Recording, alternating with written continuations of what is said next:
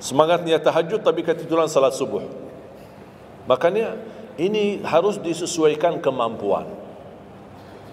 Anda merasa diri kalau salat tahajud 8 rakaat, bangun jam 2, ya Allah, kuat tidak kuat ini.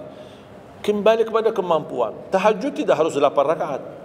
Tahajud tidak harus 20. Dua rakaat, tutup witir sudah tahajud. Dan tahajud pun salat malam tidak harus tidur dulu. Ada orang, dah harus tidur walaupun tutup mata sebentar terus buka lagi.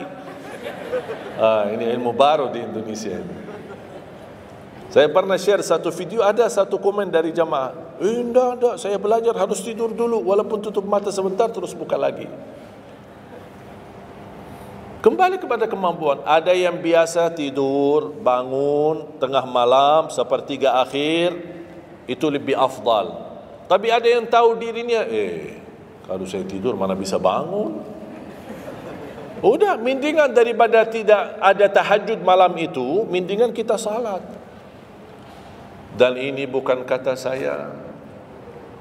Dan bukan kata ulama, tapi kata Rasulullah sallallahu alaihi wasallam. Sebagaimana di hadis yang sahih kata Abu Hurairah radhiyallahu an, pernah Rasulullah menwasiatkan aku jaga witir sebelum tidur.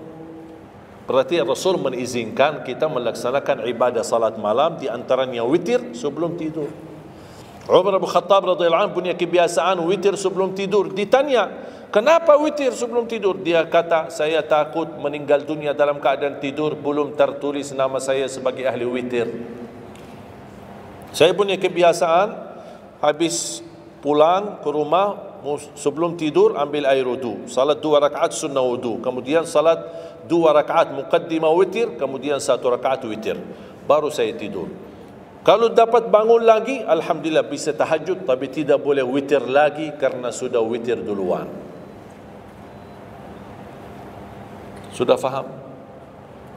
Sederhana enggak Islam ini? Sederhana. Banyak orang yang berkeinginan tahajud, berkeinginan salat witir, tapi katanya harus tidur. Saya orang yang berat tidur. Kalau saya tidur, mana bangun lagi? Udah, kesempatan bisa anda laksanakan sebelum tidur. Ada orang yang memang tidurnya aja akhir. Jam 12, jam 1 baru dia bisa tidur. Yang mendingan daripada tidak salat malam sama sekali, mendingan salat dulu baru tidur. Dapat bangun, Alhamdulillah. Tidak dapat bangun, sudah tertulis namamu, sudah salat. Sudah ahli witir. Inna Allah witir, yuhibbul witir, fa'autiru, Allah maha witir. Allah maha witir. Allah cinta witir. Jagalah witir. Dan ini termasuk dua sunnah yang Rasul tidak pernah tinggalkan.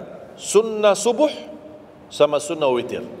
Sakit, sehat, mukim di dalam kota, musafir, keluar kota, perang, aman, damai, tetap tidak pernah tinggalkan dua sunnah itu. Sunnah subuh sama sunnah witir. Itu kebiasaan Rasulullah SAW. Kalau anda merasa pun sakit tidak bisa berdiri, tidak bisa qiyam, bisa anda laksanakan witir dalam kondisi duduk.